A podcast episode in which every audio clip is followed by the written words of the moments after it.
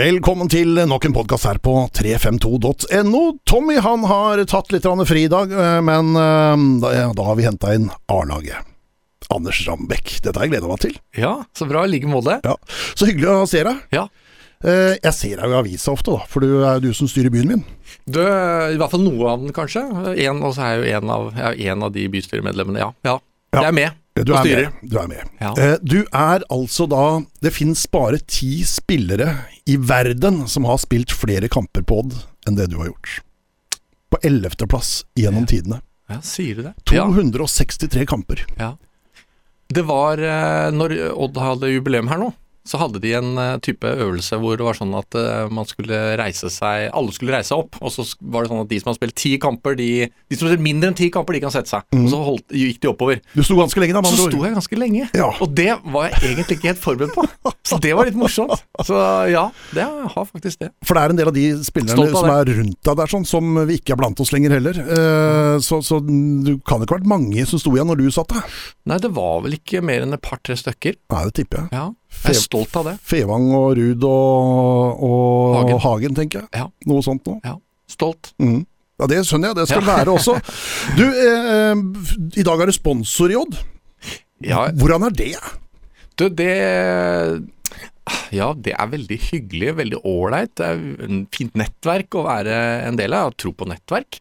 Eh, Jeg jobber jo i reklameservice, eh, og det var sånn at når, vi liksom, når jeg slutta å sparke, eh, så og jeg skulle gå inn i den bransjen, så var det liksom naturlig å tenke hvis jeg skulle drive dette videre og utvikle det, så måtte jeg liksom bruke det systemet og ja, det nettverket som jeg på en måte kanskje var kjent med og trygg i. Mm. Så da ble jeg med på det, og det, så jeg har vært, vi har vært det i ja, nesten så lenge jeg kan huske, åtte år. da. Ja, Mm. så det, og det har vært veldig nyttig og, og veldig bra. De er flinke i Odd til å ja, hjelpe bedrifter til å vokse og ja, utvikle seg og selge osv. Så, videre. så, det, så det har vært verdifullt for oss. Ja, for det er jo en del som bruker dette nettverket for alt det er verdt, og så er det noen som er der oppe for å få middag på kampdag. Det er helt sikkert. Men eh, for oss så har det vært veldig fokus på å bruke det som et virkemiddel. Til å bli kjent og til å være synlig og skape business. Mm. Så ja, jeg kan jo si at jeg kan anbefale det. Ja, så bra. Du, eh, jeg regner med at du ser litt kamper også, for dere har jo sikkert et bord på vippen og i det hele tatt. eh, Får du mer av noe av Odd i dag? Ja, altfor lite kanskje. Eh, nå var jo det liksom korona og stopp der og sånne ting. Og så når det ble satt i gang så var jeg var litt på kamp, og så har det vært litt, litt i det siste igjen. Men eh, ja, det er liksom livet, da, som tar en. Så eh, Ja, ikke sånn kjempesmå barn, men det er klart, altså, det, det jeg er engasjert. eh, De skal er- følges opp.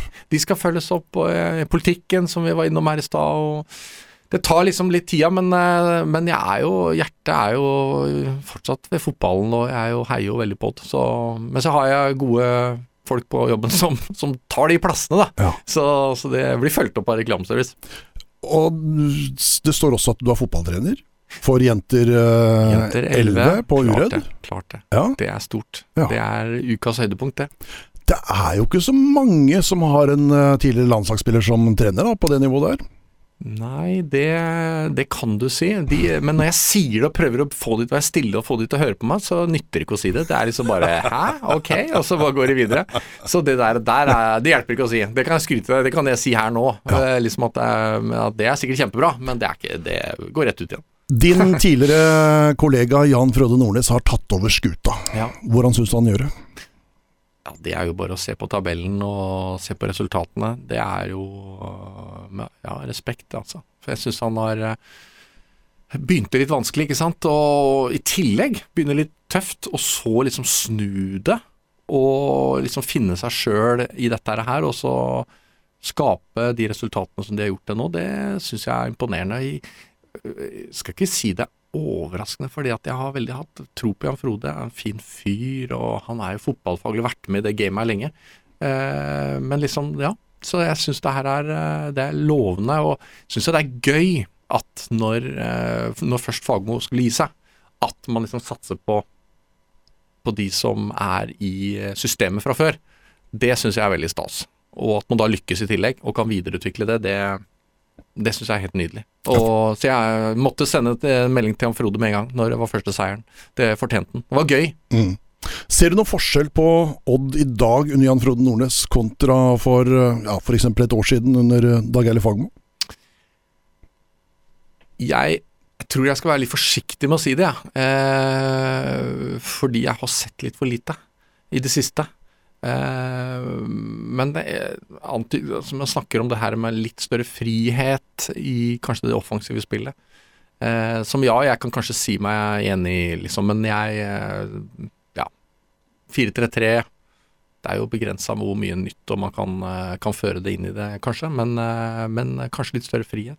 Men det er, en, det er, en, sånn deilig ungdommelighet over det som skjer der oppe nå, med alle disse fantastiske unggutta. Altså, eh, to kamper siden så var det 23 år som var snittalderen på de 11 som starta. Ja, absolutt. Og og det har jo Odd vært gode på. En klar filosofi at det er, det er dette man skal satse på unge spillere og skape, skape hva skal jeg si, um, muligheter for de unge å, å vokse fram. Det, og det når da Fagmo er borte, og Jan Frode liksom fortsetter på det, og lykkes eh, sånn som det ser ut nå, det syns jeg er veldig gøy. Så det er klart at det, det her er jo ikke tilfeldig, på en måte. Det er noe de har jobba med og ligger liksom forankra inn i klubben og i veggene og alt som er. Eh, så jeg håper at de kan fortsette med det. Eh, for jeg tror det er eh, god ja, verdiskapning. Når du drev og spilte fotballpod sånn tidlig på 2000-tallet, så, så, var det så mange typer. Mangler vi ikke litt typene, de som, de som prater fotball døgnet rundt, og som har klare meninger, og som har, siden har blitt topptrenere, veldig mange av de? Ja, altså Jeg liksom tenkt, på, litt på det, jeg også, men er det fordi at jeg er ute av det nå at jeg ikke egentlig eh, Skjønner det? At Er det derfor jeg ikke liksom ser de typene? At når jeg var i det sjøl, så, så, tenkte jeg at ja, vi har jo så mange typer. Så jeg skal være litt forsiktig med å si det også. Uh, men, men Dag Eilif var jo en veldig markant person. Uh, og kanskje, hva skal jeg si, og det var positivt for Odd. Uh, om han liksom det gjorde at noen da liksom ikke liksom kom opp, eller hva skal jeg si, det kan jo være på en måte, men, men, uh, men samtidig så er det liksom maskineriet da, til Odd. At det er liksom det som overskygger alle disse her profilene, eller hva vi snakker om, de der som er så markante. Det er jo tross alt det viktigste, det er jo resultatene du skal få, da. Og mm. det har jo Odd fått. Så, men, men Holtan, ja. trener i, i uh, Sarpsborg. Uh, Borgersen, uh, trener for Norsk Fotballforbund. Deila, trener i Amerika. Ja. Nordnes, trener for Odds ballklubb. altså, vi, vi, kunne holdt på lenge her sånn med disse her sånn. det var noen typer. Det, altså, det, det var, jeg, jeg, tror det var noe spesielt. Absolutt. Det var Og det det er jo en ting som er morsomt å tenke tilbake på. Det er klart at det, var på den tida, på den tida Eh, det var mange Det er over 20 år siden? Ja, det er over 20 år siden. Herlighet. Og det var mange markante personligheter. Eh, og det skjedde mye i hva skal jeg si, i garderoben, i, eh, på spillemøtene, av en grunn. Det var mennesker som eh, var opptatt, lidenskapelig opptatt av, av eh, utvikling.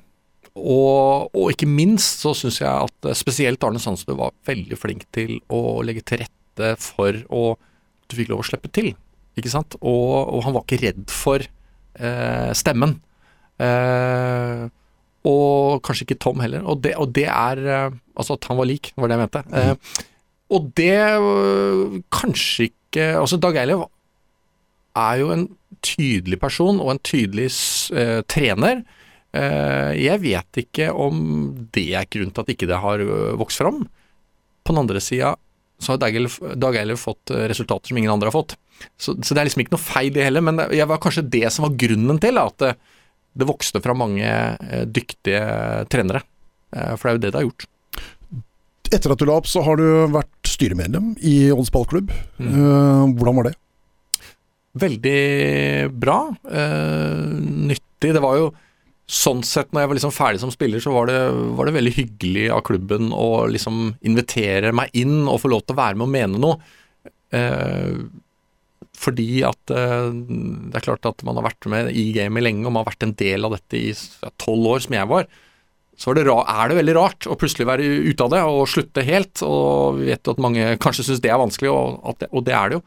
Så var det veldig hyggelig når, når de spurte om jeg ville være med og være, på, eh, være i styret. Og jeg tror at det var, det var, det var ikke minst nyttig, men det ga meg masse input til, til det jeg eh, driver med i dag. Eh, det, læring og alt mulig, og det er jeg veldig takknemlig for. Så det har vært nyttig. Men det ble én periode, og det jeg hører er at det er du som ønska å kutte ut. De ønska gjerne å ha deg med videre. Hvorfor slutta du? Det var eh, Det er et godt spørsmål, men jeg husker, var det, var det noen år? Ja, var det noen år? Ja, Ja, eh, Hvor mange var det? Godt spørsmål. Men iallfall, ja, jeg var jo trener i eh, Er ikke en periode to år, da? Eller var du lenger enn to? Jeg var lenger enn to, tror jeg. Var det det? Faktisk. Ja, jeg, det er du som Ja, på nei, fasiten. men eh, litt sånn Det her, blir jo mimrekveld, og da Ja, ja. er ikke alt jeg kommer til å huske, eh, skjønner jeg nå. Eh, men eh, jeg var jo inne i styret, ja. eller var i styret, og så fikk jeg lov til å være med Tom Nordli som assistenttrener i Sandnes Ulf. Eh, det var jo en sommer her eh, veldig lenge siden, eh, som jeg ikke husker heller. 2014? 2014, Mm. takk skal du ha. Eh, og da når, vi liksom var ferdig med det oppdraget der nede, eh, så, så kunne jeg jo komme tilbake, til, tilbake igjen, men da ønska jeg å ikke gjøre det. Eh, og, og du spurte om hvorfor. Eh, nei, altså, godt spørsmål. Det er jo litt sånn at vi som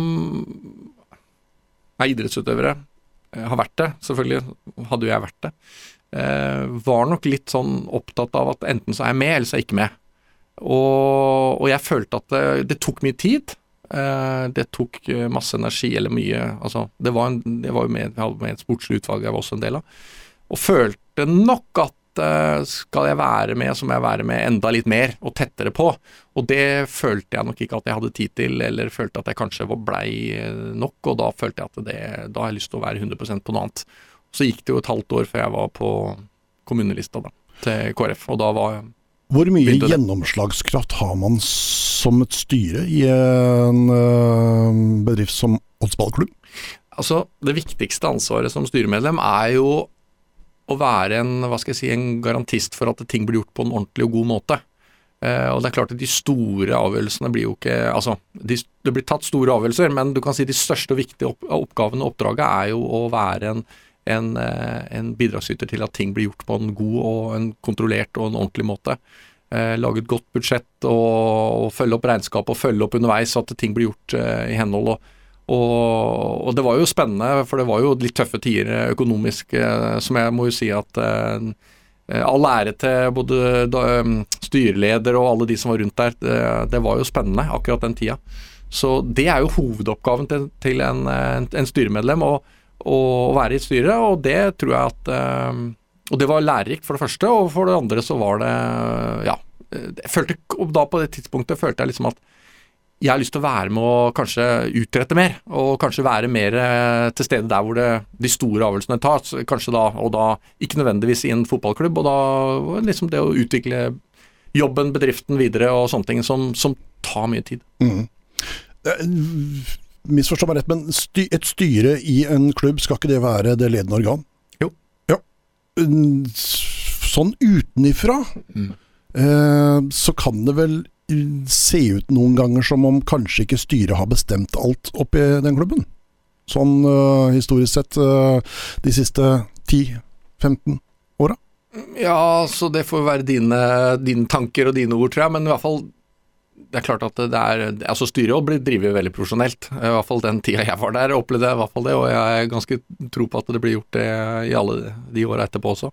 Eh, men som sagt, et styre skal jo være en, eh, hva skal jeg si, for et anker og et, tollepunkt et holdepunkt og holde til de eh, hva skal jeg si for noe, de nøkterne og gode, riktige beslutningene. Mm. Eh, så har man jo sportslig utvalg, eh, kanskje, jeg vet ikke om det er det nå lenger, men iallfall det hadde vi. Og der diskuterte man jo litt mer sånn type spillere og litt mer strategi, kanskje, og sånne ting. Men til syvende og sist så ble jo det tatt inn i styret og, og vurdert igjen, da. Mm. Men, eh, men ja, nei, det Altså på avstand så kan du jo Det er jo sånn, da. ikke sant? Nå står du på avstand, og jeg også det. ikke sant? Og så kan man jo være litt forundra over ting og tang, og ja, men blir det sånn, og blir det sånn? Og jeg hørte forrige pod podkasten med, med hvor det diskuterte litt sånn eh, styre i Odd, og var veldig interessant, forresten. Men det er, jo, det er jo alltid sånn når man ser ting på utsida. Mm. Ja, det er derfor jeg spør. Jeg har ikke vært på innsida.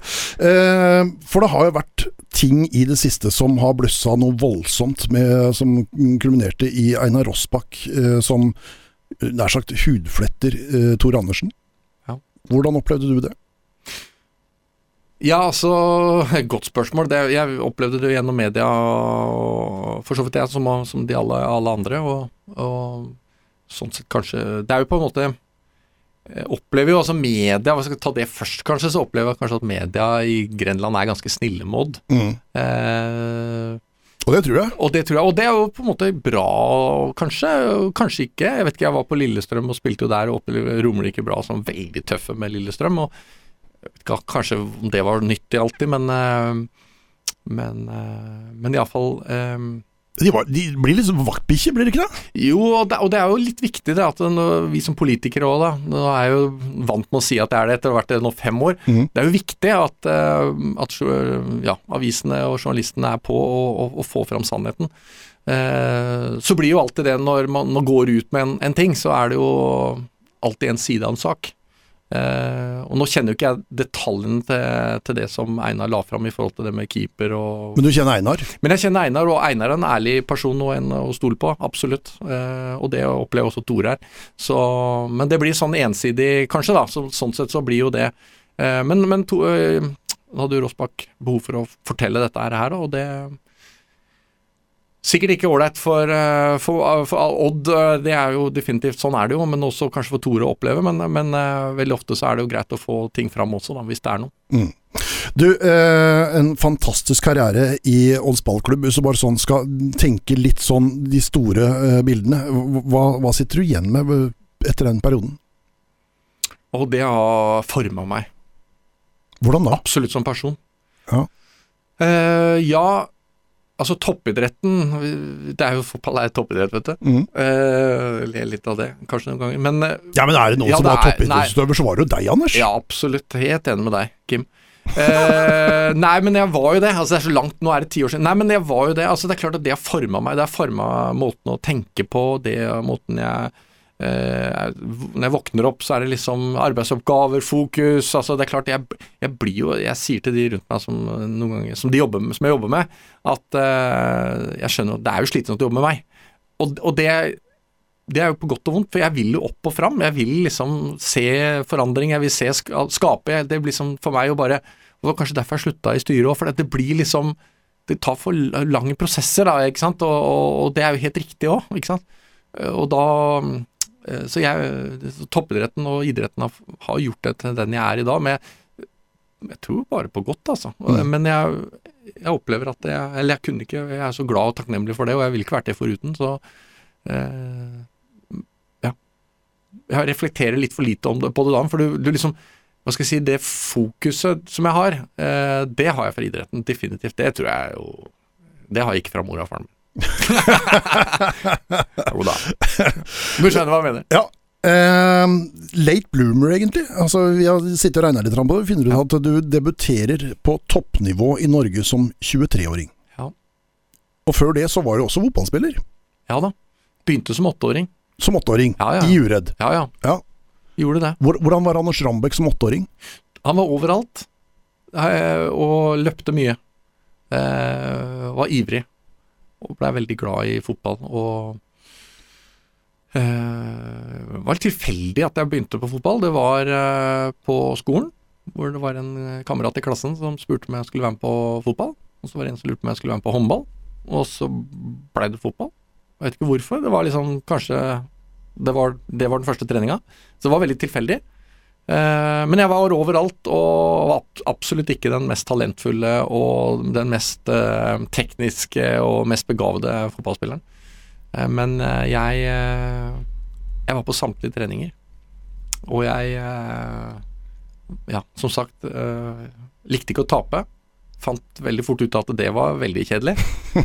Og det forma jo meg selvfølgelig de egenskapene der. Og så selvfølgelig med at man hadde gode trenere underveis. Stadig fra den første treneren som jeg husker når det regna, satt i bilen og røyka med nedskrudd eh, Da satt i en Volvo Det var vel i avisa, så jeg kan jo si det, da. Eh, Jeg husker ikke navnet på den heller, men eh, hefte.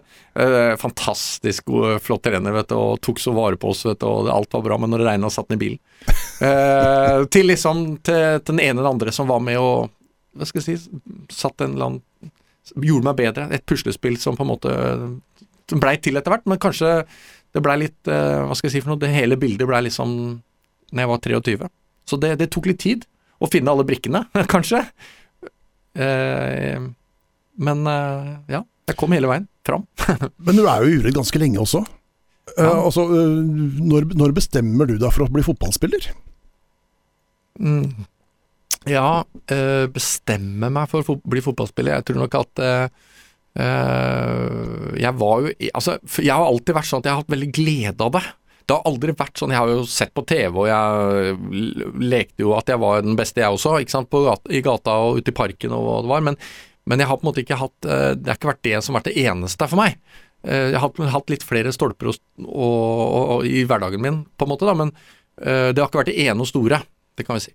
Men eh, Men eh, Ja, Når finner du ut at du Ja. er god, da? ja, ikke sant. Når var det? det altså, jeg eh, Det var jo Ken Hasle som var trener i Kom fra Brann, faktisk. Eh, og, og han Nå hadde vi en veldig flink, dyktig trener, Svein Bolstad, og jeg kan nevne mange eh, som burde, blitt burde vært nevnt her nå, men, men når Ken Hasle kom, så fikk jeg litt sånn inn det der toppidrettsmentaliteten, sånn type i hodet. Litt sånn fokus, eh, litt kynisme, litt det derre for å vinne, vinne, vinnerskallen kom inn. Så jeg hadde hatt han ett år, jeg må ikke glemme Groa forresten, jeg utvikla meg veldig mye med han også. Men det var et eller annet med den der skallen som på en måte vokste fram da, og det eh, Og da begynte jeg vel å få litt trua på, selv at jeg var bare en, jeg var 21 da, ikke sant. At det er mulig å, å komme, komme et stykke, da. Og nå klart da når Jan Magnussen ringer og, eh, i Porsche, Vi har deg dit. som ville ha meg dit. Eh, så ja, da var det litt alvorlig, da, ikke sant. Hvor du fikk lov å spille med Bent Tommy Larsen og Truls Vallestad og, og Erik Skrettveit og de som jeg hadde liksom stått og sett på, ikke sant. Både på Odd, men også på Porsche, når de var liksom de store der. Så, så det var stort, og da begynte jeg å få trua på det. Så, men det var litt seint, kanskje. Ja, ja utgangspunktet så er det jo Ja. det. Det er det, vet du. Late bloomer. Ja. Hvordan blir det året i Porsche? Ja, Det var jo et eh, fantastisk år. Eh, for det første så ble jeg veldig glad i klubben. Det var jo Uredd som var litt sånn Det var Det var jo Ari Slettene som var liksom sjefen i Uredd, men det var jo Så var det et sånn oldermannslaug, men de hadde jeg ikke noe forhold til. Så klubben hadde du Det var bare veldig mange mennesker, og, og veldig bredde, bredde- breddeidrett, jeg holdt på å si breddefotball, eh, til å komme til Porsche hvor der var det liksom mange mennesker og mange personligheter, og, og, og litt mer sånn type stolthet over klubben, og selv om jeg opplever at det er mange som er veldig glad og stolt av Uredde i dag, men liksom, de holder seg litt mer på avstand og heier, liksom. Ehm, så da var det jo Så det var det var liksom første møte med liksom kanskje litt, eh, litt større klubb. Og, Uh, og så var jo Jan Magnussen Han var jo er, altså, var jo en fantastisk og er en fantastisk person som som uh, på en måte tok meg, og jeg husker et et par andre unggutter, Sigurd Nilsen og Petter Hagen, vi kom tre stykker, tre unggutter fra liksom tredjedivisjonsklubber og, og ble tatt vare på, da. Eh, og så var jo dette med Grenland fotball som, uh, som liksom hadde begynt, men det hadde liksom ikke slått helt til. Og det var Og jeg blei jo den første som gikk videre, da, men, men da uh, Så det var et spennende år, og vi var jo kom jo på nest øverste plass og var jo, kom jo spilte noen start i cupen og Så det var veldig Da fikk jeg liksom smaken på, på litt sånn topp-topp, da. Mm. Ja. Eh, Porsche, eh, Jan forresten, må legge til det, har gjort enormt for fotballen i Telemark. Altså. Det er eh, absolutt. Burde fått eh, noe mer heder for det, syns jeg. Ja, ja, ja. Bra du sier det. Eh, så ringer Tom Nordli deg. Ja. Hvor- hvor- Hvordan, hvordan er den samtalen? Altså, husker du hvordan den prosessen er fra, fra du, eh, dette begynner til du skriver under for, for eh, Odd? Det husker jeg veldig lite av, men jeg, jeg tror det var Jan Magnussen som tok meg inn på rommet. Han hadde en sånn litt sånn avlukke som han liksom Da fikk jeg komme der, og så sa han det at det liksom Nå var Odd øh, ville gjerne at vi skulle komme og, og prøvespille litt, da, eller trene litt med de. Og da Jeg husker veldig godt jeg fikk helt skjelven da, altså. Mm. Det må jeg bare si. Det var øh, Da kom virkeligheten virkelig rett øh, i fanget. Og Jan, selvfølgelig, det betydde jo mye det at men han hadde jo litt erfaring, hadde jo vært i Odd, og, så det betydde jo mye når jeg liksom tenker på det nå. Ehm, eh, men det er klart det var spennende å komme opp dit, og første treninga, da var Einar Rossbakk. Nå? Det går litt seint, men det kommer nå. Mm. Da var Einar Rossbakk på trening, og jeg husker at Einar sa til meg det. Anders, sett deg respekt. Han sa det. Og han hadde jeg hatt litt eh, samtale med før forresten også, når, når jeg tenker tilbake. Så det var veldig viktig. Men hun glemmer aldri det han sa. Du må sette deg respekt. Og jeg husker på første treninga at jeg kom litt seint i en takling med jeg tror det var Erik Holtan. Og jeg, det er klart at jeg, jeg hadde hadde jeg vært, vært der og vært, vært, vært der lenge og, ikke sant, og plutselig kom igjen og takle meg og som en unggutt og kom fra Porsche, det hadde ikke vært en hyggelig del, men jeg tror ikke han likte det. Eh, det, var, det, det, var, ikke noe gærent, altså, men det var bare liksom, jeg tenker på det nå. Eh, så jeg satte meg i respekt. Jeg tror det ble lært meg merke til. Det der med liksom at når du, skal, når du får sjansen, så må du gripe den. Eh, uansett hva det er i livet, holdt jeg på å si. Altså, du, du har kanskje én sjanse. Hva gjør du da? Jo, du tar den. Og det gjorde jeg. Men jeg, jeg er ikke sikker på at jeg hadde gjort det hvis ikke Einar hadde sagt akkurat det. Nå, nå, det har jeg ikke tenkt på før, Herlig. men det, det, det tror jeg, altså. Så, Mhm. det, så takk skal du ha, Einar. Ja. Herlig.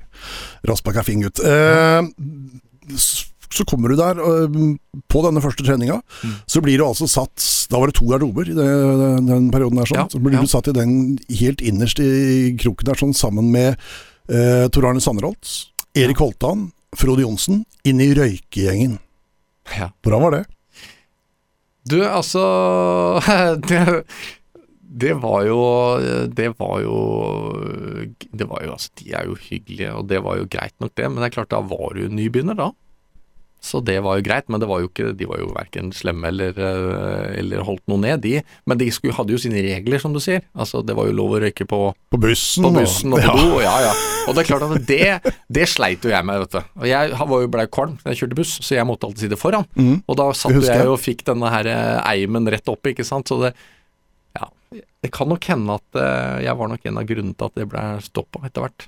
Men eh, eh, Ja. Det er jo litt morsomt å tenke på det, da, at man Det var liksom ikke bare én, det var ikke bare to, det var tre røykere på, på laget, liksom. Men vi gjorde det jo relativt bra likevel. Helt greit. Ja. Helt greit. Eh, husker du hva Tom sa til deg når du kom? Altså, Hva slags rolle skulle du ha i laget? Hvor skulle du spille hen? Altså, Husker du noe av det? Nei, eh, jeg tror ikke kanskje at eh, Som du, som du sa, eh, vi snakka litt før, kanskje var det da du nevnte det. Nå går det bare rundt her, men, men det var jo klart at det, det var jo litt sånn at jeg blei jo stallfyll. Eller sånn, det var jo det som var tiltenkt. Du kommer fra Porsche, og du har jo liksom knapt nok vist noen ting. Jeg var kvikk, jeg var rask, jeg var en relativt Ja, jeg var overalt, ikke sant. En helt sinnssyk motor hadde du. ja, jeg, hadde, jeg var det, for det var vel Vi hadde jo en løpe... Det var en sånn runde oppe på Porsløypa, det må jeg jo nevne. ja. Den lurer jeg på om jeg har, har eh, fortsatt uh, rekorden på. Har du Ja, i alle fall, jeg har ikke hørt noen har slått den, og da har jeg det. Ikke sant, sier vi det.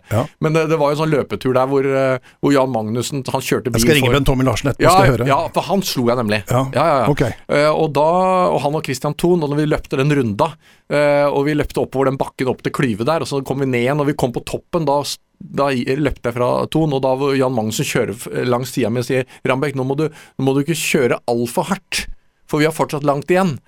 Men da bare øka jeg. Altså det, var, det gikk jo bare av seg sjøl. Det var jo helt eh, vanvittig. Så det var, og det var jo det jeg var. Og på travbanen? Ja, ja, det er Å, herlighet. Vi hadde, det var med Arne. Forferdelige løpetreninger. Jeg glemmer det aldri. Det tenkte jeg på her om dagen. Herlighet, jeg må jo tatt skade. På travbanen, Ja, det er jo gæren. Så det, men det slutta vi jo med. Mm. Ja, men, eh, men det var jo min styrke, absolutt. Og, og det var jo, det så nok Tom også, det var klart at det er en, en styrke det at du, er, at du har utholdenhet, at du orker mer enn å si, medspillere og mots, motspillere, kanskje først og fremst motspillere. Eh, så det var det jo, og, og det så nok han, men det er klart at det var jo litt tilfeldig. Jeg var jo stallfylt, tror jeg, i Tom sine tanker, men han så jo at, det, at jeg, han kunne slippe meg utpå, og jeg ga meg ikke så lett. Så eh, Og det er klart da når Det var jo litt tilfeldig, kanskje, da. Jeg, jeg sier det, at det var litt tilfeldig. Og at det var jeg som kom Bård Borgersen ble skada. Ta kneet. Han gjorde det på Jeg husker ikke når, det var vel kanskje i Norge før vi reiste til La Manga. Ja. Det var på, på, tidlig på Eller om vinteren. det var på La Manga, jeg er litt usikker sjøl. Ja, men, men i alle fall det. Så da fikk jo jeg spille venstreback. Eh, for da ble Frode satt inn som midtstopper. Han kom jo fra Eik. Eh, skulle egentlig spille venstreback, da ble han spilt midtstopp for, for han ble skada. Og så, før, rett før seriestart, så ble jo Jan eh, Borgersen klar igjen. Eh, og da hadde egentlig jeg gjort det bra i løpet av vinteren, men det var, liksom, det var jo tross alt Jan Frode som han skulle satse på. Og sånn var det jo, ikke sant. Men Tom han bruker jo de elleve han har, har trua på. Og så blei Ronny eh, skada. Eh, egentlig litt samme, det var vel noen kneskade det også, tror jeg. Var det på La Manga? Pass. Pass. Uh, det var i hvert fall enten, enten eller jeg lurer Jo, jeg tror det var Ronny som ble skada der. Og dermed så fikk jo jeg muligheten igjen. Uh, og da fikk jeg jo spille første seriekamp, da. Så det, du kan si tilfeldig. Det var jo litt det. Eh, tenker jeg, da. Eh, og det er jo litt sånn det er, men du må gripe sjansen når du får den. Og det har jeg nok gjort. Jeg har prata med Tom Nordli i dag om akkurat dette her. Oh, ja. Ja, og han sier det at da han henta deg, så forventa han ikke at du skulle spille så mye så tidlig.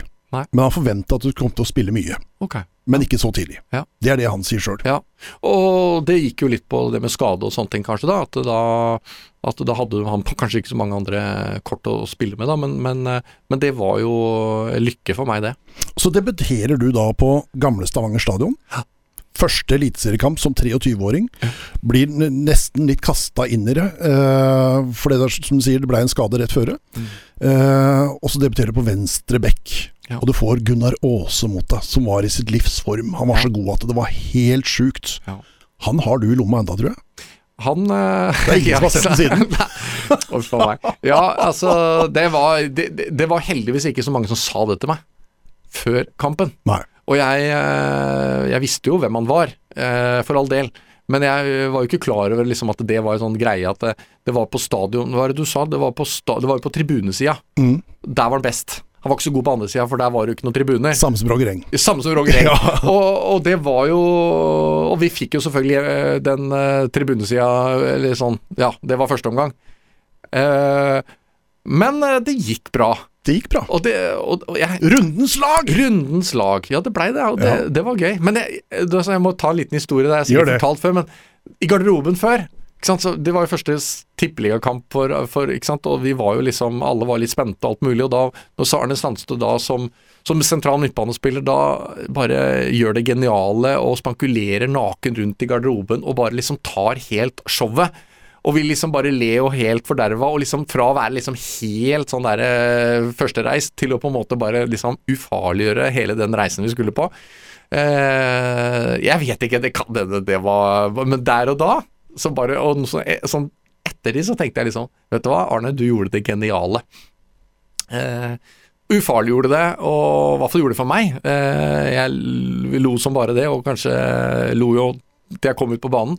Og, og det gikk jo bra. Og vi starter altså helt enormt uh, og får en god start. Kanskje det redder egentlig hele den sesongen der sånn. Ja. Eh, og du gjør det veldig bra. Jeg tror du er på rundens lag fire av de seks første serierundene. Ja, det husker jeg ikke I mye. Jeg Verdens Gang. Ja, i verdens- Norges største avis. Ja, ikke sant. Verdens Gang. Eh, ja, og det var Det er jo helt enormt. Ja, og så plutselig så kom liksom TV 2 eller hva det var for noe som skulle intervjue meg, fordi at det var liksom eh, Nå var liksom plutselig meg de var interessert i å høre hvordan det gikk på kampen i går, for lagets del. Og det er klart, det var eh, herlighet. Jeg tror ikke det ble noe bra intervju i det hele tatt. ikke sant? Det, nei, men det var jo selvfølgelig Jeg tenker på da var jeg 23 år. Og så er det noen som er 17 år som havner uti det nå. Mm. Så tenker jeg liksom uh, Herlighet, det var bare flaks at jeg var 23. det var godt jeg var 23. Hva tenkte du sjøl om den, at det var venstrebekk du skulle bli? Ja, Det har jo vært liksom min bane, det greiene der at jeg fikk jo aldri spille på den plassen jeg egentlig likte. Altså, Jeg fikk gjøre det litt under Arne Sandstø. Mm. Eh, da fikk jeg spille midtbane. Det var kanskje det jeg trivdes best i. Ja. Eh, inntil jeg liksom havna på venstrebekk igjen. Eh, Du har vært venstrebekk og høyrebekk og indreløper. ja. Du har jo vært egentlig all, alt der. Og du har vært stopper også. Jeg har vært, eh, ja, stopper var jeg i Lillestrøm, det trivdes jeg kjempegodt med. Eh, men jeg har på en måte, egentlig Odd, så jeg, føler jeg at det var kun midtbane én sesong jeg følte jeg liksom var på en plass jeg liksom elska. Mm. Ellers så har jeg vel egentlig kun spilt høyreback på landslaget. Eh, der fikk jeg liksom spilt det optimale. Og, og så var det de midtbanekampene som jeg hadde på, på Odd, hvor jeg følte jeg liksom fikk brukt min kapasitet da, eh, helt til fulle. Eh, så, men venstrebekk har liksom blei min bane, det. Og, og det, det var jo som jeg- Når jeg skulle til Lillestrøm, så Jan, Frode, nei, Jan Åge Fjørtoft han liksom Ja, vi trenger en god venstrebekk. Og så liksom jeg sier til Jan Åge liksom Men du vet at jeg er jo ikke venstrebeint. Hæ? Liksom øh, Jo, sier han liksom. Nei, det er jeg ikke, sa jeg. Og han lo veldig godt, da. Jeg vet ikke om han egentlig skjønte det helt, om Jeg bare trodde jeg tulla. Men jeg har jo egentlig aldri vært det. Men det er jo liksom noe du bare liksom Ja, ja, men da må du takle det, da. Mm. Så jeg har jo blitt eh, Kanskje blitt forma litt sånn person på grunn av det. Det er liksom få eh, motbakker. Altså sånn, det er motbakke, men det, det, det er da det går oppover. Eh, det er litt fordi at du føler alltid kanskje noen ganger at du møter Du begynte kampen med litt sånn minus enn en eh, mange andre, da. Så, gjør Odd det godt. øh, overlever første året og, og er egentlig ikke i nærheten av noe nedrykk noen gang. I hele den perioden, de fire åra, eller fem åra som du spiller på Hans ballklubb. Seks. Øh, 1999 til 2004. Jeg var der seks år, i hvert fall. 1999 til 2004. 2005, 2005. så skriver du under for Lillestrøm. Jeg spilte i 2005 òg. Ok, Da er, står det feil i de fleste statutter overalt. Øh, Da stoler jeg på deg, Anders Rambekk. Da spilte vi cupfinale nummer to. Det var 99, det var 2003. 2002. Igjen så for, det, Du har helt sikkert rett, du, Ja. altså. Men jeg trodde jeg hadde ni år. Ja. Tre, seks Jo, jeg har ni år i Odd. Eh, du har Vi må gå eh, gjennom Wikipedia fem, etterpå. og så har, kommer du tilbake i 2008, 9 og 10, så da får du åtte år i min bok. Men eh, vi skal Det må vi gå Her må vi til bunns i, Anders! Ja, har tolv år. Tolv Tre år. år Lillestrøm. Ja. Tre år Lillestrøm. Nei, vi, må ta, vi må ta den på det. Når, vi er, når programmet er ferdig, så må Ja. du og jeg gå i Vi må det, Vi må granske dette. Vi må det. Vi må det. Eh, hvorfor hvorfor eh, vil du hoppe av Odd? Hva var greia med det? Det var, det var Det var for så vidt to ting. Uh, nå er det så lenge siden at jeg, liksom, jeg syns det er greit å snakke om det nå, men, men, Mm. uh, men det var jo først og fremst fordi at uh, jeg hadde lyst til å prøve noe nytt. Fordi at også kona hadde lyst til å studere, og det var liksom passa perfekt. Og så var jeg litt sånn Uh, ja, vært litt sånn småtteri som jeg ikke var helt fornøyd med i Odd. Mm. Uh, som på en måte Hva da? Nei, det var ikke noe å legge skjul på det at eh, Det var jo kanskje litt irriterende når jeg liksom måtte ta si at eh, det var her, dere får ikke lov å røyke her, ikke sant? Så uten å nevne navn da, så blei det jo liksom kanskje ikke det mest optimale. Hei, Erik. Hei, Erik. Nei da. Altså, jeg og Erik har det veldig fint sammen. Men det var kanskje litt sånn at jeg følte liksom kanskje at det var godt å, å gjøre noe annet. Og jeg følte at det jeg på en måte snakka om den gangen, det, det var det ingen i Odd som eh, hørte på. Og men de la merke til det da når jeg hadde signert en ny kontrakt med noen andre, og da var det liksom litt sånn greit å Ja. Det var liksom greit å gjøre noe annet. Eh, du vet at når du er fra et sted, så er det på en måte Det er liksom vanskelig å bli Konge i eget land. Konge i eget Ja. Altså ikke ja, Konge er litt sånn greie, eller kanskje feil ord, men liksom det å bli respektert, du skal liksom for å ta posisjon, og at man skal liksom lytte og, og gjøre det man sier, det, det var litt så rart å si, men det kan kanskje vært lettere å, å føle at man liksom hadde posisjon til det i Lillestrøm enn i Odd. Og det Ja. Så det var liksom Jeg hadde behov for å være litt gæren. Og, og løsrive meg fra det derre eh, Ja, det miljøet og det systemet og alt mulig om seg.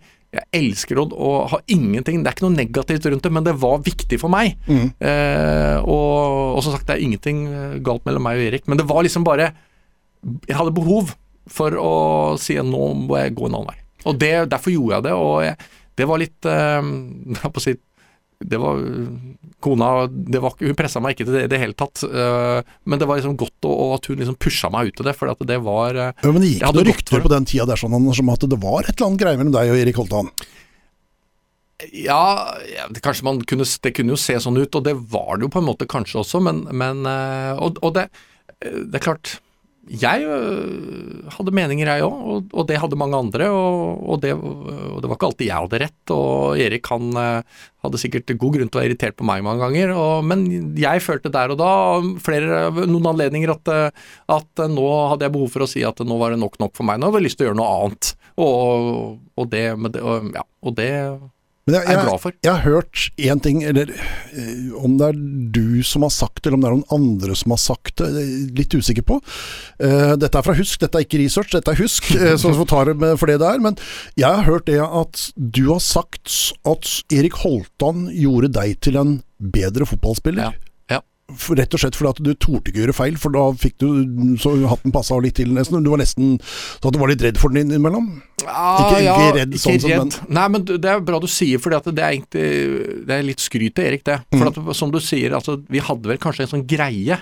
Eh, jeg tror Jan Gunnar også hadde en sånn greie der. Eh, og definitivt så hadde Erik kanskje en stor eh, og en større betydning for meg i den utviklinga jeg hadde. Eh, nettopp fordi at han på en måte Han fikk meg jo til å være det lille ekstra. Eh, og, det, og det, så det har jeg sagt, og det står jeg for. Det er null problem å si. Det, det er helt klart. Altså, og ikke minst så hadde han jo veldig mye Han hadde peiling på fotball. Eh, så, så det var det, og det tenker jeg er sånn Det er veldig gøy å tenke tilbake på. Og jeg tenker at Erik absolutt skal være stolt av hvor mange de åra han hadde der, og de åra han bidra til at mange andre blei gode. Eh, selv om jeg av og til syns at eh, man gikk litt for langt. Og det var jo ikke bare han som gikk for langt, men sikkert også andre. Eh, men det var jo liksom litt av kanskje resultatet av et miljø da, hvor, hvor man ville opp og fram. Eh, både han, men også Ronny og, og Borgersen og mange som på en måte eh, Det var jo sterke personligheter. Liksom som sier 'hvor er de da?' Men det, kanskje det, det var Og Arne lot jo de på en måte også få lov til å komme fram. Og jeg tror det helt sikkert var bevisst for han også. Eh, sikkert noen ganger han ikke hadde kontroll på det, men, men iallfall Jeg tror på en måte også at det var med og skapte det miljøet som vi hadde eh, og fikk. Så det her er jo sagt før, det blir som å rippe opp i gamle greier, men det er ikke noe vondt mellom meg og Erik, absolutt ikke. Og, og jeg syns det er viktig å si at eh, han var med å skape det absolutt det toppidrettsmiljøet som, som vi fikk da. Eh, 2004 så mm, vil Tom gjerne ha deg til start. Du er født i Kristiansand. eh, og han vil ha deg hjem, er det jeg har lest meg til. Eh, det ble ikke noe. Da, da, da var Start gode. Start var gode da, og, og jeg er jo født i Kristiansand, vet du. Eh, liksom, og det var litt sånn Det var litt vanskelig å si nei til. Det var må det? jeg si. Ja, det må jeg si. Det gikk veldig mye på følelser. Klart at Tom, med den tryggheten rundt det med at eh, jeg kjente jo det systemet veldig godt, og, så det var jo veldig spennende. Men jeg, jeg husker ikke hvorfor ikke det blei noe. Eh, nei, jeg gjør ikke det, altså.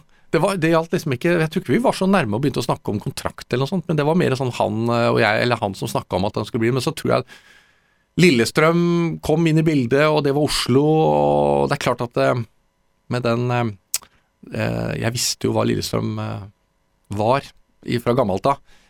Og den kulturen som lå i de betongveggene der på Åråsen og på Det var jo Det var sterkere enn kanskje de røttene mine, faktisk. Så da blei det jo det.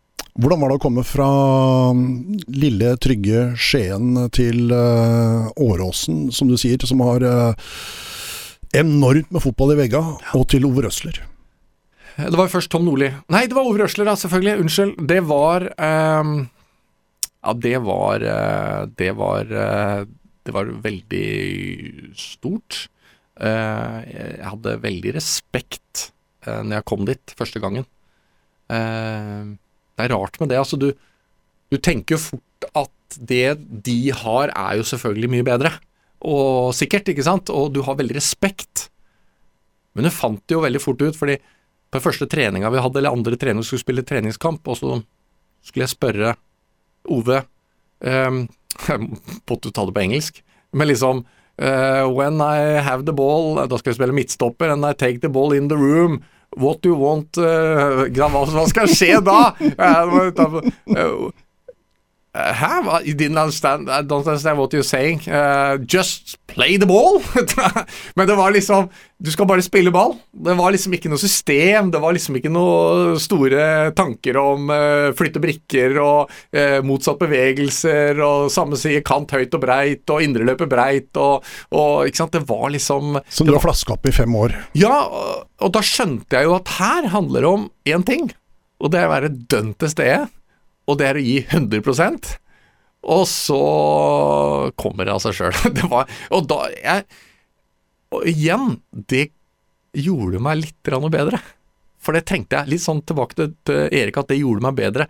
Men liksom tanken om hvordan man skulle spille, det var veldig enkelt.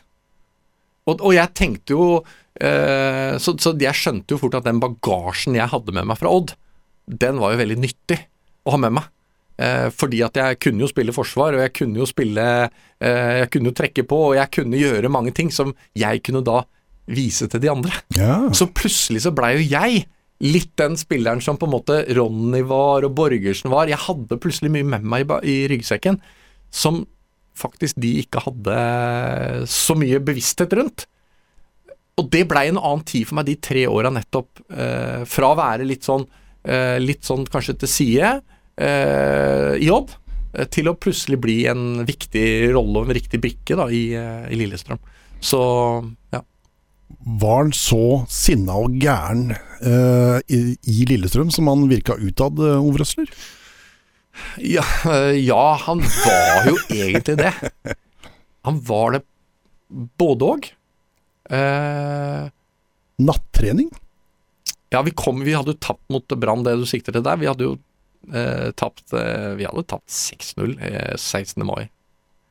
Eh, og vi kom, landa jo på Gardermoen klokka 11.30 12, og vi trodde at nå skulle vi hjem. Så skulle han ha oss på trening.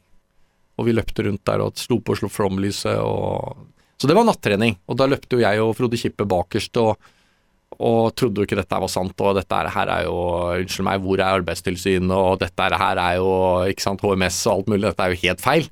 Eh, men det skulle jeg jo ikke sagt, fordi det hørte jo han. Og det var jo bare Rambekk inn igjen, og det var jo bare Jeg har jo ikke likt det, vet du. Det er jo liksom Ja. Det liksom kommer Det er sånn grense for meg, og da skal jeg si ifra. Det er ikke greit. Urettferdighet, ikke sant. Unnskyld meg, vi har noen rettigheter. Eh, men det gjorde jo også at jeg vokste jo fram i det miljøet å være en spiller som på en måte jeg ble jo aldri kaptein, for jeg hadde, Frode Kippe var jo det, og det naturlige kaptein. Men jeg fikk liksom, blei jo en av de tre, da. Eh, og fordi jeg hadde noe å melde, og de hadde, jeg hadde respekt, og, og, og, det, ja, og, det, og det hadde jeg også hos Ove. og Ove han respekterte meg, og jeg respekterte absolutt han, og vi hadde mange gode samtaler som på en måte var med og utvikla, tror jeg. Eh, Jeg også var med og, og utvikla, jeg tør å si det, Lillestrøm. For vi hadde tre fine år, altså. Men så møter du plutselig Tom igjen, på Åråsen. Ja. eh, jeg hadde to fine år med, med Ove, og Ove han eh, Han eh, Han Jeg må bare nødt til å si det, for han han skjerpa meg de to-tre prosenta som gjorde at jeg havna på landslaget. Det er jeg Ja, ganske for du på. blei landslagsspiller i Lillestrøm. I Lillestrøm med Ove, Ja. som midtstopper, egentlig. Jeg spilte jo første landslagskampen mot Sør-Korea, og da var jeg midtstopper. Mm, 0-0. Det var jo riktignok en annen som eh, var skada da. Det var vel Erik Hagen som var skada, tror jeg. Eller ikke. Panser? Panserhagen, jeg tror, Ja. eller var det Hangeland som var skada? Men iallfall så, Nei, så var, Hangeland var ikke skada.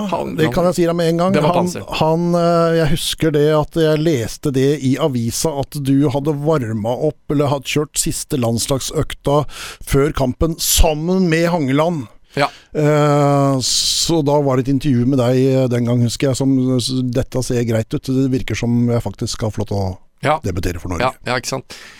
Og det var jo det var stort, det, selvfølgelig. Men det var jo under den tida der, og det er klart det Ove gjorde da, det var jo å løfte meg de to-tre prosenta som gjorde at jeg At jeg kanskje kom med, da. Så det var Ja. Du har aldri vært på landslagssamling du, uten eh, at det er eh, minst én annen fra Grenland med på Ja. laget. Tommy Sindal og Ja, Tommy Sindal har alltid vært med. Ja, ikke sant. Eh, Bortsett fra den ene kampen i Serbia, så Ja. har Tommy vært med deg alltid på landslaget. Ja. Eh, Men eh, du har spilt med mange andre. Eh, Men første kampen så var det Tommy, deg og Frode Johnsen. Nei, Espen. nei, Nei! nei. Nei. Hvem da? Jarstein? Ja, Ja. Rune Jarstein. ja. Det var den første landskampen din. Eh, og så har du hatt med mange forskjellige som har spilt der sånn. Gunda blant annet var Ja, også. Jan Gunnar Solli. Vi var jo fire på et bilde, tror jeg, en gang. Mm. Jeg mener, jeg husker det. Eller i hvert fall tre. Ja. Eh, hva tar du mer av den landslagskarrieren? Det ble sju kamper. Det ble syv kamper. De, det året der var jeg mye skada.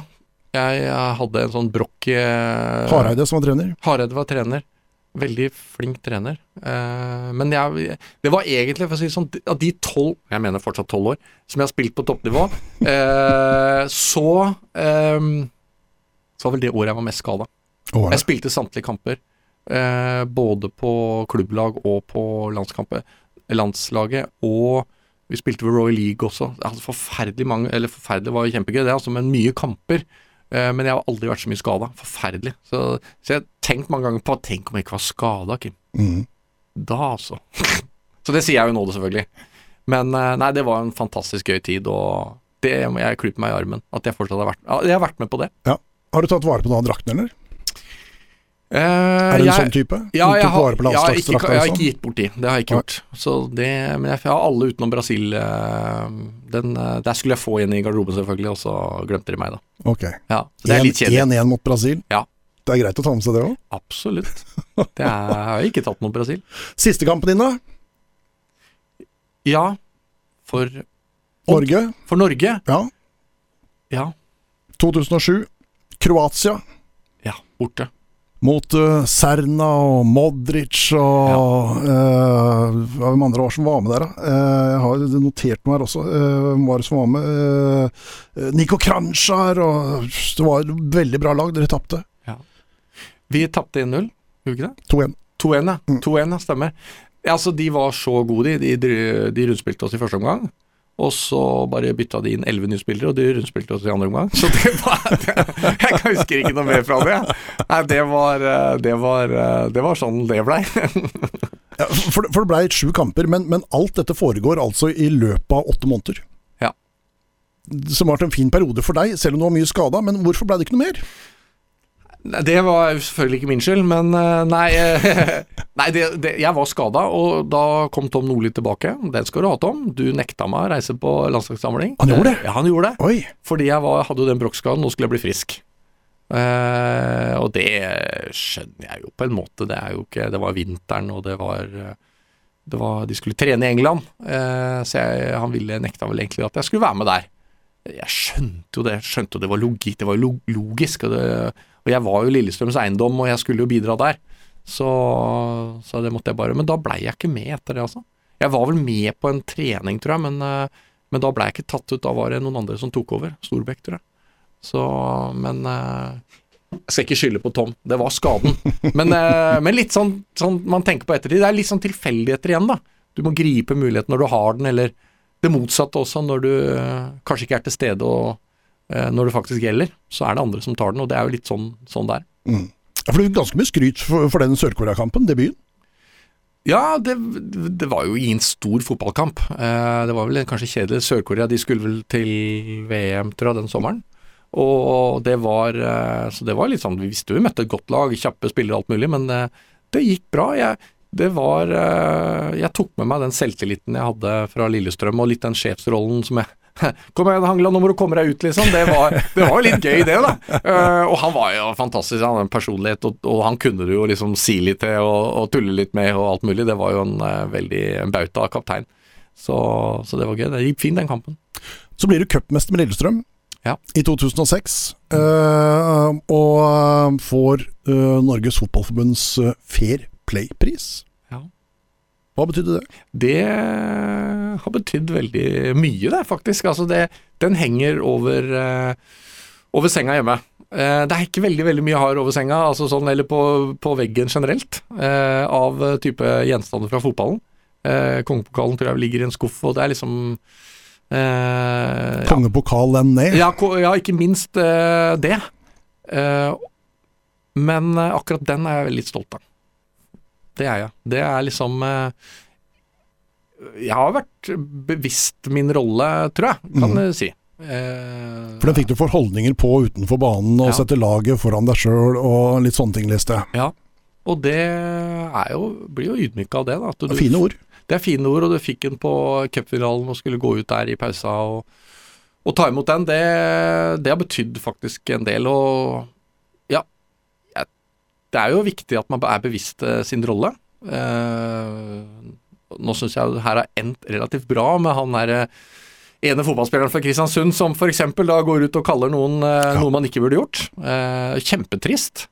Eh, så visste han ikke hva ordet betydde, og det er liksom det er liksom på en måte litt godt, det. Eh, samtidig som at vi, vi liksom vi har en rolle eh, å fylle når vi er i Enten om du er politiker, eller om du er eh, næringslivsleder, eller om du er eh, eh, fotballspiller. Eh, og det har jeg prøvd å være veldig bevisst på, og det, derfor satte jeg veldig pris på det. At eh, jeg tok det ja, som en ære Mm. at jeg fikk det.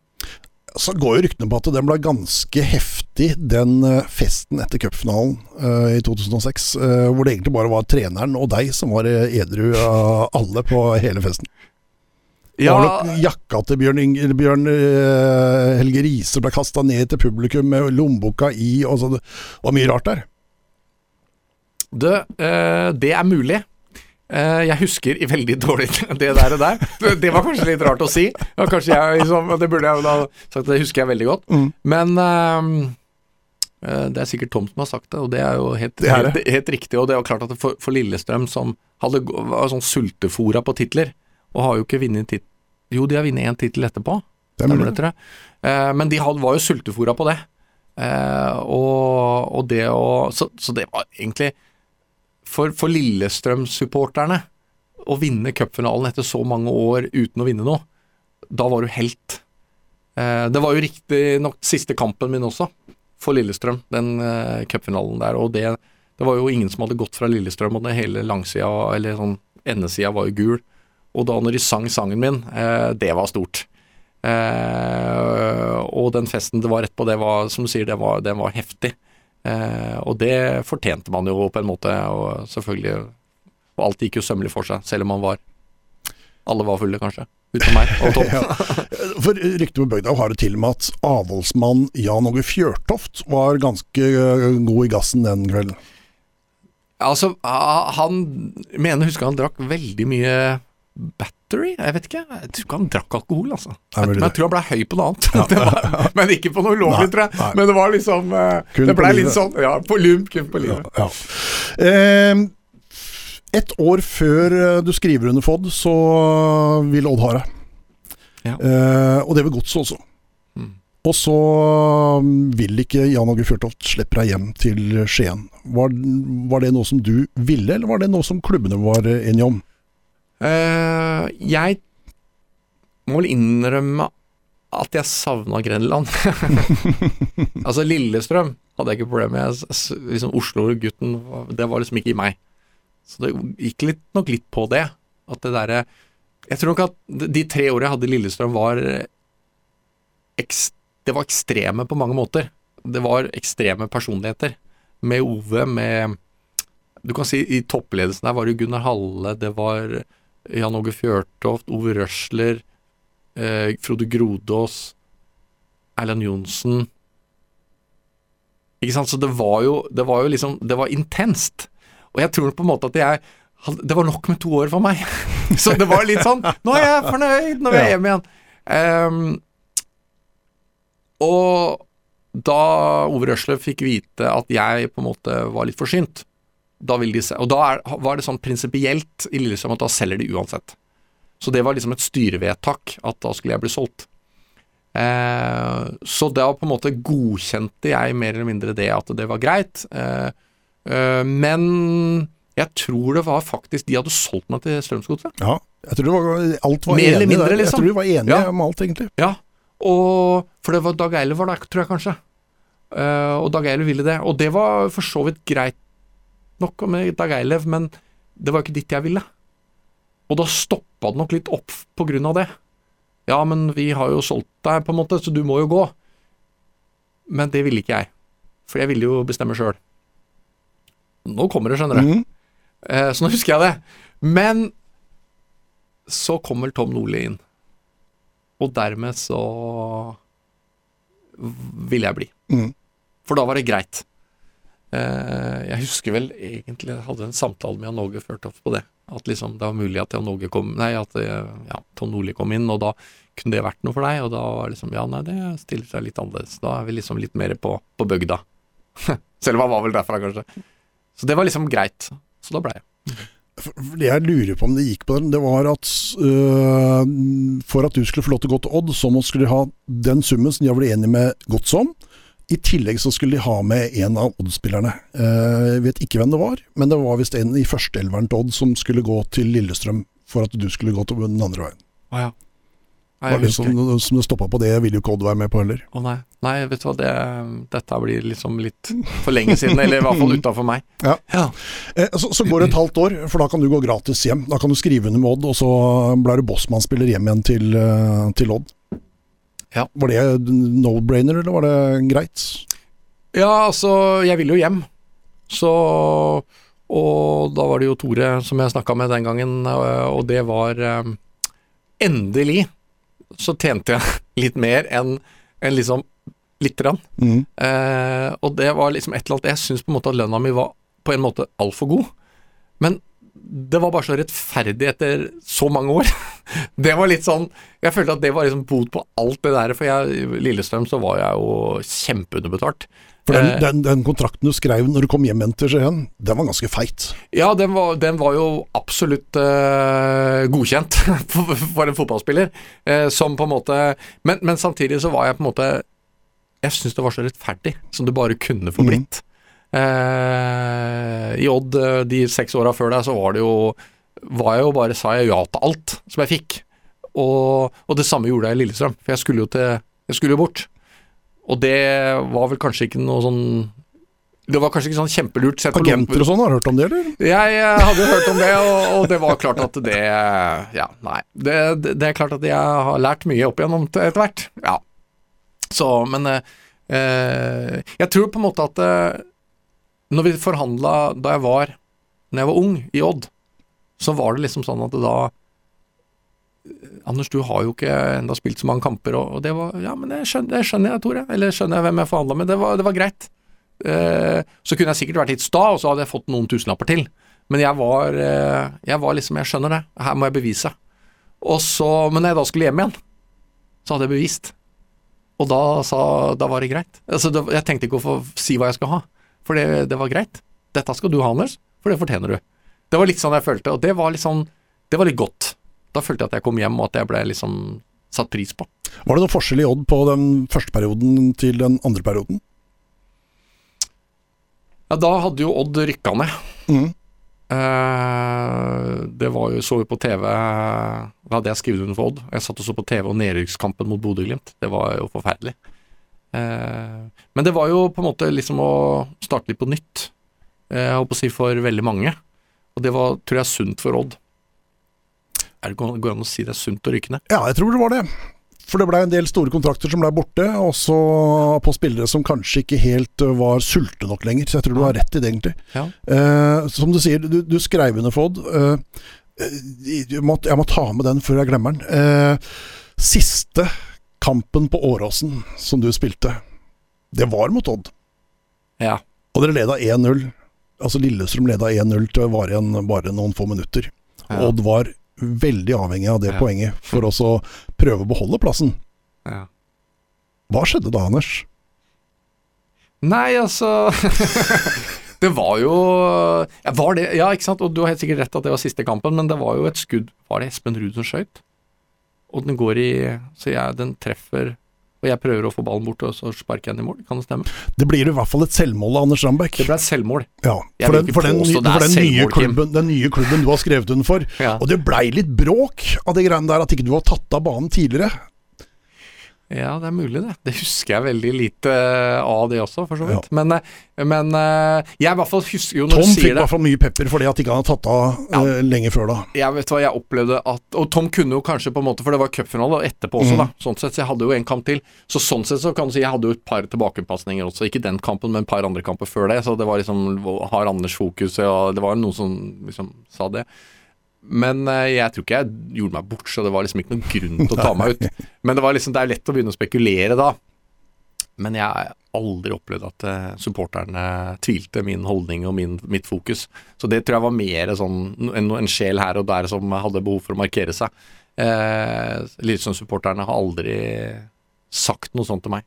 iallfall som jeg kan huske. Og så er det da altså eh, det, det går ikke an å skrive det bedre, faktisk. Eh, det, er, det er ikke mulig å skrive det bedre. For 31. oktober i 2010, altså det er nesten på dagen ti år siden, så skal du spille din siste kamp på Skagerrak Arena. Ja. Og det er det 86. minutt. Du blir bytta innpå. Odd har 1-1, jakter en seier, Ja. og så kommer du innpå. Ja. Så det, det, også, mm, på overtid så er det du som sørger for seier. Ja, det var sånn det skulle bli. Ja. Det var sånn det skulle være. Med det? venstrebeinet. Med venstrebeinet. Ja, det er Pasning fra Bentley ut. Ja. Voldsom klabb og babb inne i 16-meteren. Så til slutt så får Bentley ballen og ser at du er ledig ute på hjørnet av femmeteren. Mm. Så bare plasserer hun med venstre. ja. Deilig. ja, altså det er jo Det var jo deilig, det. Det var uh, Det lurvelevende som var ja. på stadion da, det kokte. Ja, Og spillere rundt deg, og til og med dommeren. Jeg tror han kom bort og så tok deg i hånda eller noe ja han gjorde det. Ja. Ja. Nei, det var, det var sånn det skulle være. Sier jeg litt, da. Egentlig litt sånn i ettertid. Eh, altså Jeg var jo kjente at jeg var litt irritert på, på, nei, på Fagermo, fordi at liksom Ja ja, det var sånn det skulle bli, liksom. At jeg liksom ikke fikk lov å spille noen minutter. Eh, siste hjemmekamp. Jeg tror det hadde jeg tror det hadde vært litt surt, for jeg tror ikke egentlig jeg hadde gjort meg bort på verken trening eller noen kamper. Jeg tror liksom Det hadde ikke spilt noen rolle om jeg hadde fått noen minutter. Så jeg liksom kjente at det vokste opp en sånn derre Nesten litt sånn irritasjon underveis. Og så fikk jeg muligheten, og det var hyggelig, liksom, de minuttene. Og så skjedde det som skjedde. Og jeg eh, Mot jeg mot start. Mot start, altså. Som er gamle Der du er født, ikke er sant, født i tillegg. Det er et poeng, det også. Og da skåra kun ett mål for Lillestrøm mot Ja. start. Ja, det, og det har jeg også gjort. Ja. Nei, det stemmer ikke. I serien? ja. I serien, kanskje. Uh, ok, greit. Det, du, det er du sikkert rett i. Jeg har skåret uh, kvartfinale mot uh, Stabæk, eh, tror jeg i hvert fall viktig. Ja, nei, men det, vi må løfte, vi må jo prate opp her. Mm. Men eh, nei, altså Du kan si ja, den Min følelse rundt den siste kampen det må jeg innrømme var litt sånn at sånn i ettertid Jeg er vel kanskje litt sånn overtroisk mann, da, det, som dere kanskje vet, men, men eh, jeg følte at det var et lite glimt, litt sånn blunk fra Vår Herre. Det har jeg sagt. Og jeg skal ikke gjøre mer ut av det enn enn liksom det der. Jeg skal ikke liksom si at det er sånn det skulle bli, liksom, og det var Vår Herre og alt mulig, men det er liksom litt sånn deilig å si det på en måte, da. Og det blei liksom sånn, og det blei så riktig. Så jeg lever litt på det, at, eh, at eh, ja, jeg skulle ha den avslutninga, og Snorre Kroksgaard, han ringte meg jo opp eh, på vei hjem etterpå, og han sa det til meg at Anders, jeg visste at du kom til å score. Og det var liksom enda et liten sånn pling som på en måte eh, Og jeg eh, hadde jo en sjanse rett etterpå, som på en måte var med høyrebeinet mitt, og det var egentlig Den burde jeg skåret på. Men det skulle jeg ikke. Det var ikke meninga. Jeg skulle skåre med venstre. Fordi liksom, jeg føler jo litt at karrieren min i Odd alltid var litt sånn at jeg aldri fikk spille sånn på den perfekte plassen. Den skulle Alexander Aas gjøre på, eller spille på. Jeg hadde riktignok et år jeg spilte en del midtbane, eh, hvor jeg liksom fikk liksom blomstre, liksom, da. Men jeg følte at jeg fikk altfor lite i Odd. Og Jeg skal ikke si at jeg har vært sånn irritert eller skuffa over det altfor mye, men for jeg, jeg er egentlig bare takknemlig. Eh, jeg, kjære venner, hvem er det som får lov å spille i Tippeligaen? Det er liksom en av liksom nesten ingen. Mm. Men, men samtidig så, så føler jeg liksom at jeg kanskje ikke alltid følte at jeg fikk eh, vist meg best fram på hjemmebane. Det føler jeg at jeg fikk gjort i, kanskje i Lillestrøm. Det hadde ikke gått an å regissert en avskjed bedre enn eh, det der sånn. Ikke, ingen filmprodusent i hele verden hadde klart å regissere bedre, Anders. Det var fantastisk. Eh, så legger du opp, og så blir du uredspiller. Eh, ikke lang uredkarriere, men tilbake der det starta, på en måte. Var det viktig for deg? Få med deg den? Jeg, jeg, jeg hadde nok litt sånn tanke om at eh, det var godt å holde seg litt i gang. At det var litt det. Og så var det vel Vetle Odden som var trener den gangen, og han hadde et ungt lag og hadde litt behov for litt sånn, noen som kunne hjelpe de å holde seg oppe og litt sånne ting. Så jeg prøvde, prøvde å være med på litt treninger og sånne ting, men jeg fant veldig fort ut at, eh, at det var eh, Det var ikke noe gøy. Og liksom ikke få ballen der du ville og, og alt mulig med seg. Jeg følte at jeg var liksom Jeg fant ut Nei, men jeg er jo egentlig ferdig. Jeg har ikke noe å bidra med. Jeg, altså, jeg, jeg, jeg Og har du ikke fokuset i huet, ikke sant, og ikke er liksom klar for den oppgaven, ja, så er du dårlig. Og det fant jeg ut at det var jeg jo. Så da tenkte jeg det her er mye bedre at andre gjør den jobben. Så det var ikke det at jeg liksom ikke ønska å bidra, og, men det bare, jeg klarte det ikke. Det blei liksom Det blei så stusslig. Og da tenkte jeg at eh, nei, det her er helt feil. Så jeg hadde vel ikke mange kampene, men jeg hadde, det, var en, det var jo eh, Rossbakk sto i mål for Uret da. Eh, og det så jeg jo veldig fort at han kan jo komme langt. Mm. eh, på gode holdninger og talent, og det gjorde han jo, da. Det han gjort. Så, men eh, det blei ble ikke så lenge. Nei. Idet du legger opp, så får du et tilbud på bordet som jeg tipper det må ha vært vanskelig å takke nei til. Trene for Porsche. Ja. Hvordan var det? Nei, altså jeg var i en sånn periode da, det må jeg innrømme, eh, som jeg tror veldig mange fotballspillere kjenner på, som legger opp. Mm.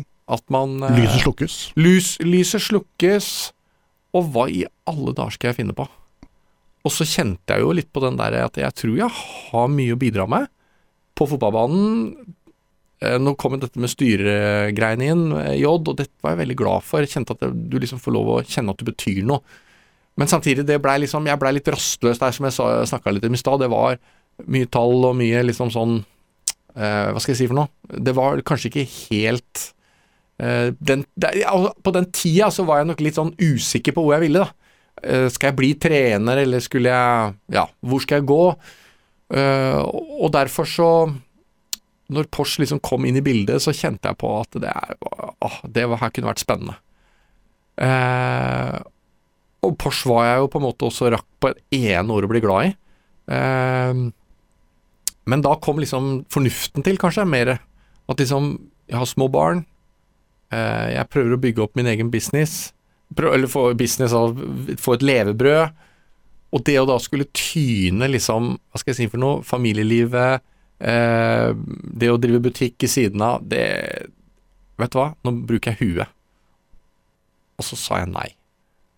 Og det var ikke pga. at Porsche ikke var spennende, eller at ikke det var bra folk, men det var bare det her, eh, Anders, nå må du tenke og bruke, gjøre, være fornuftig i valgene dine. Så da ble det nei. Mm.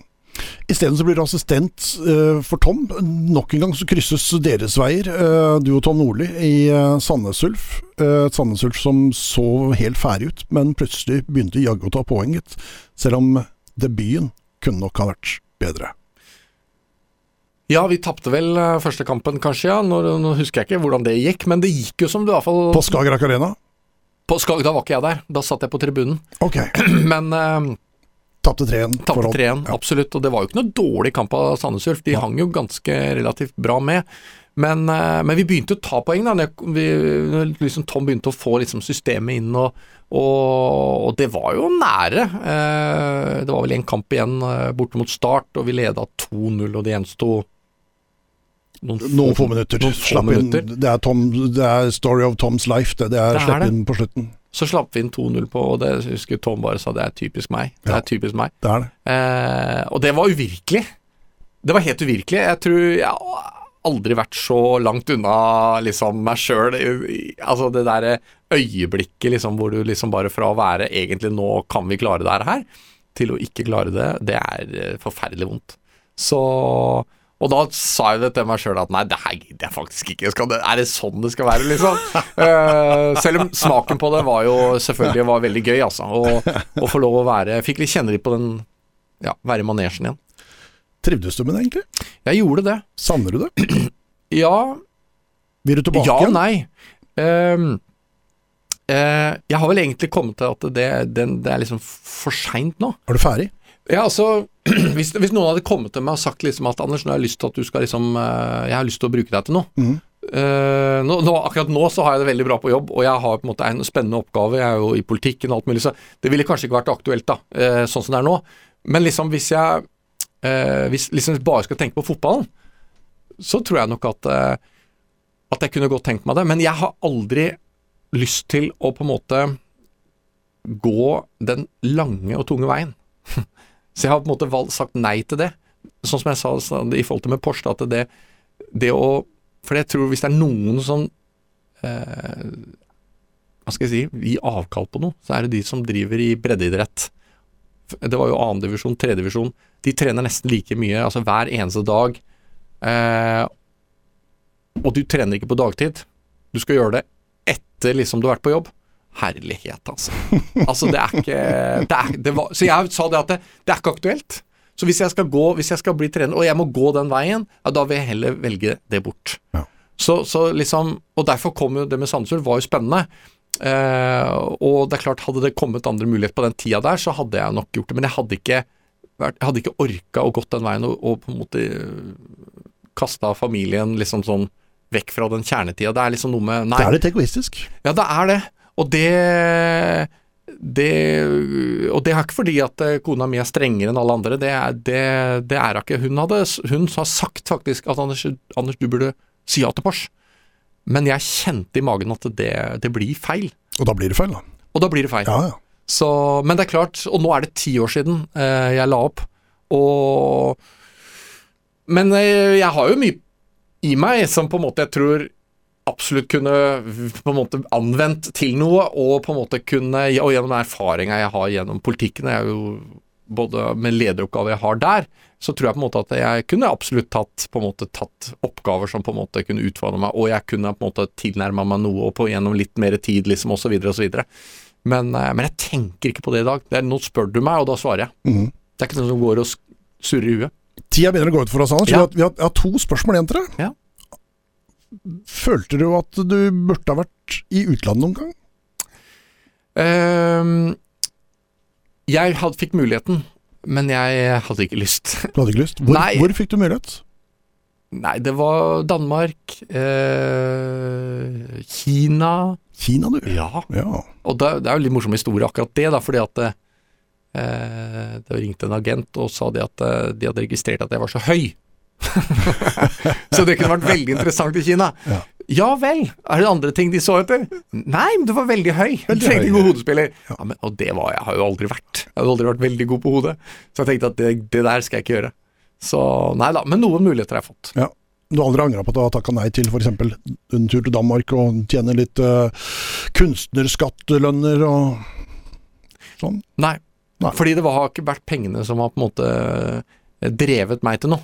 Det har vært liksom gleden over det jeg har gjort og fått vært med på, og jeg har kjent at eh, det jeg har gjort, det har vært meninga. Så jeg har liksom ikke higa etter det. Ærlig svart, det. Ja, Det var sånn det skulle bli. Men du er jo egentlig, selv om du aldri ble proff i utlandet, så har du, er du jo da en profesjonell VIP i England. Når du Ja. kommer til Charlton, Ja. som er laget ditt i England, er det fremdeles? Absolutt. Ja. En av få. En av få. Ja. Det er Bytta ikke bort det. Nei, og det, det, jeg tror ikke jeg kjenner noen andre heller som har The Latix som, uh, som hovedlag, altså. Det, men fortell om denne fantastiske VIP-turen. Ja, altså, jeg eh, Det er jo egentlig Det er jo ikke så lett å si det på med få ord, fordi at eh, Nei, det jeg det. vi har god tid. Ja, vi har god tid. Ja. Og det begynte jo da jeg var relativt ung, da var 16-17 år. Da dro jeg over til England for første gang med to kamerater. Jeg sendte en, en Jeg sendte ikke mail, for det jo hadde vi jo ikke da, kanskje, men jeg ringte over til eh, the, ja, Ticket Office, og så da var det en som heter Keith Gale, som tok telefonen. Og, han, eh, og da sa jeg var fra Norge. Jeg var Anders Rambekk, og jeg var Ja, sa ikke hvor gammel jeg var, men han spurte etter hvert hvor gammel jeg var. Og så sa jeg at jeg skulle gjerne ha en billett til eh, Liverpool mot Charlton i FA-cupen. Og da eh, sa han at ok, og så begynte han å stille spørsmål, så fant han ut at ja, men det her kan jo stemme. For det var litt sånn at man, man solgte ikke telefoner, eller billetter til hvem som helst. I hvert fall på den tiden der. Det hadde litt med borte- hjemmesupportere og blanding av det og så, ja. Og de hadde, de hadde en del problemer på Milvold-supportere Eh, eh, som på en måte skapte litt eh, bry videre, som var den tøffeste konkurrenten til, til, til Charlton. Eh, Men han skjønte etter hvert at det faktisk stemte, og da sa jeg det at jeg kom, du kommer og henter billetten da og da, ikke sant, for du kommer med flyet og så videre, og det stemte. Jeg, og når jeg da kom til, eh, til The Valley, som det het da, heter fortsatt, eh, så, sa, så kom jeg dit, og da plutselig så møter en litt eldre mann meg. Da ser jeg han var veldig stressa. Og han var så stressa fordi at jeg hadde kommet ti minutter for seint. Han var redd for at jeg liksom hadde somla meg Ja. bort. Og ikke hadde, for han visste at jeg, for jeg sa jo jeg var 17 år. Og det, det var liksom starten på et sånt vennskap. Eh, fordi han så jo på seg at jeg var jo 17 år, og han syntes jo det var veldig langt at jeg skulle reise helt til Liverpool for å se Charlton. Kjøre buss, eh, ikke sant, på sånn Nei, det syns han var for langt. Jeg kan kjøre deg dit. Så han hadde eh, en Jaguar, eh, og han kjørte meg dit. Sammen med Jane, da, som kona, og de satt foran der, to små voksne, eldre mennesker som eh, Ja, det var en, var en fantastisk eh, reise med både den turen, men også eh, Jeg var jo over mange ganger og fikk eh, se eh, Charlton, og etter hvert da selvfølgelig på hjemmebane. Og da kom vi til den historien hvor da det var en, en vinterdag eller høstdag, og vi skulle se Charlton spille. Jeg husker ikke hvem vi spilte mot, men, men da var det Da skulle vi da kjøre til, til kampen, selvfølgelig. Han hadde henta meg på hotellet med sin Jaguar. Og hvor da kjører nærmere oss stadion, og da ser jeg selvfølgelig Morten Fevang. Det høljregner. Og jeg da sier til Keith nå må vi nødt til å stoppe, og jeg da ruller eller jeg trykker på knappen, det går ned, og jeg vinker til øh, Fevang og sier 'jaså, du skal på kamp du også'? Ja, og, og da Fevang fikk jo helt hakeslepp, og jeg da kjørte fram til øh, ja, var, Vi hadde ikke VIP-losje da, men øh, jeg ble tatt ordentlig godt vare på. Ja. Så ja, nei, det Jeg har vært over der mange ganger, riktignok det er noen år siden nå, øh, men øh, det var liksom historien. Det begynte jo Hvorfor, hvorfor, heier du på Hvilket lag heier du på, Kim? Tottenham. Tottenham, Hvorfor heier du på Tottenham? Du har en historie ikke sant, mm. som du forteller, og min historie var bare at jeg sendte eh, brev til alle klubbene i førstedivisjon. Det var liksom toppdivisjon den gangen. Jeg fikk, fikk kun ett svar, og det var fra Charlton. Og der begynte det. Herlig. Herlig. Ja, fantastisk. Jeg husker Charlton spilte i spanske Jota-drakter der eh, lenge, ja, og det var nesten ingen som spilte i Jota. Det var eh, Charlton, og så var det Hei. Ikke sant? Ja. ja. men sånn er det. Så da har vi noe felles. Ja, ja, ja, ja. Han er veldig bra. Ja, Så det var morsomt. Du, eh, før vi eh, tar kvelden, Anders, så har jeg eh, prøvd å få masse historier på deg. Eh, spurt masse av dine tidligere lagkamerater i dag om prøve å få et eller annet som vi kan eh, ta deg på, men jeg får ikke noe sånn veldig morsomme greier, bortsett fra én ting. En kar som du har bodd på rom sammen med i uh, fryktelig mange år. Han er dansk. Dansk? Han er dansk og heter Christian.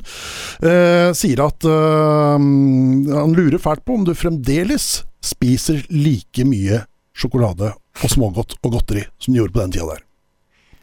Du, det gjør jeg selvfølgelig. Vi må ikke forandre livsstilen. Nei, Kristian hører på. Ja, det er Så får jeg si hei til altså, Christian. ja, og Christian, vet du hva, jeg savner deg, og jeg har litt dårlig samvittighet for at ikke vi har eh, vært mer sammen i det siste. Det er på tide at du kommer hit, eller kanskje jeg også, ja, når korona er ferdig, at ja. det kommer til deg. Eh, det er faktisk Så jeg savner deg, Christian. Um, nei, det, jeg er jo glad i sjokolade, vet du. Ja. Og spesielt Stratos. Det er jo reklame, kanskje, men, men dog. Så du kan jo sende den til Stratos, så kanskje du får noe støtte for det, ja, podkasten her òg. Nei, det, jeg er veldig svak for, for det søte. Så det, det, må jeg bare si. Sjokolade. Spesielt sjokolade. Ja. Og det har selvfølgelig noen trenere irritert seg over, men uh, det, sånn har det blitt. Og så sier han at du er ekstremt god til å sove. Ja, er jeg det? Var i hvert fall det, sier han. Ja. Ja, men det var han òg. Så ja. var, sånn sett så passa vi godt sammen. Ja. Eh, vi var på tur i La Manga og alt mulig sånt, så var det jo selvfølgelig det var lett å sove etter trening, og vi, vi, vi ga jo alt, vet du. Jeg og Christian, selvfølgelig. Gode, gode treningsivrige. Uh, ja. Så, men jeg, var, jeg har alltid hatt et godt sovehjerte, og det har jeg den dag i dag. Når jeg spør han, så sier han han sov hele tiden eh, når vi var på turer. Spiste mye godis, spesielt sjokolade, hele tida. Uh, deilig romkompis og god kamerat. Irriterende løpssterk. Sprang fra alt og alle på trening, især i skauen og på travbanen. Ja, ikke sant. ja, nei da, det er, det er det er nok mye sant i det han sa der, ja. ja. Du, takk for reisen, eh, Anders. Ja, Koselig. Det er det alt over? Det er det. Vi har reist i egentlig lang tid, men det har, ja. det har gått fort. Halvannen time i godvenneslag det går styggfort, og nå er det jaggu meg gjort. Tusen takk for at du stilte opp. Tusen takk. Ja, det var hyggelig. Eh, vi er tilbake om eh, en eh, liten uke med nye spennende og herlige gjester. Gleder oss til det. Bare følg oss på mm, Spotify eller på Apple eller hvor du måtte hente din podkast, så høres vi igjen. Anders, vel hjem. I like måte.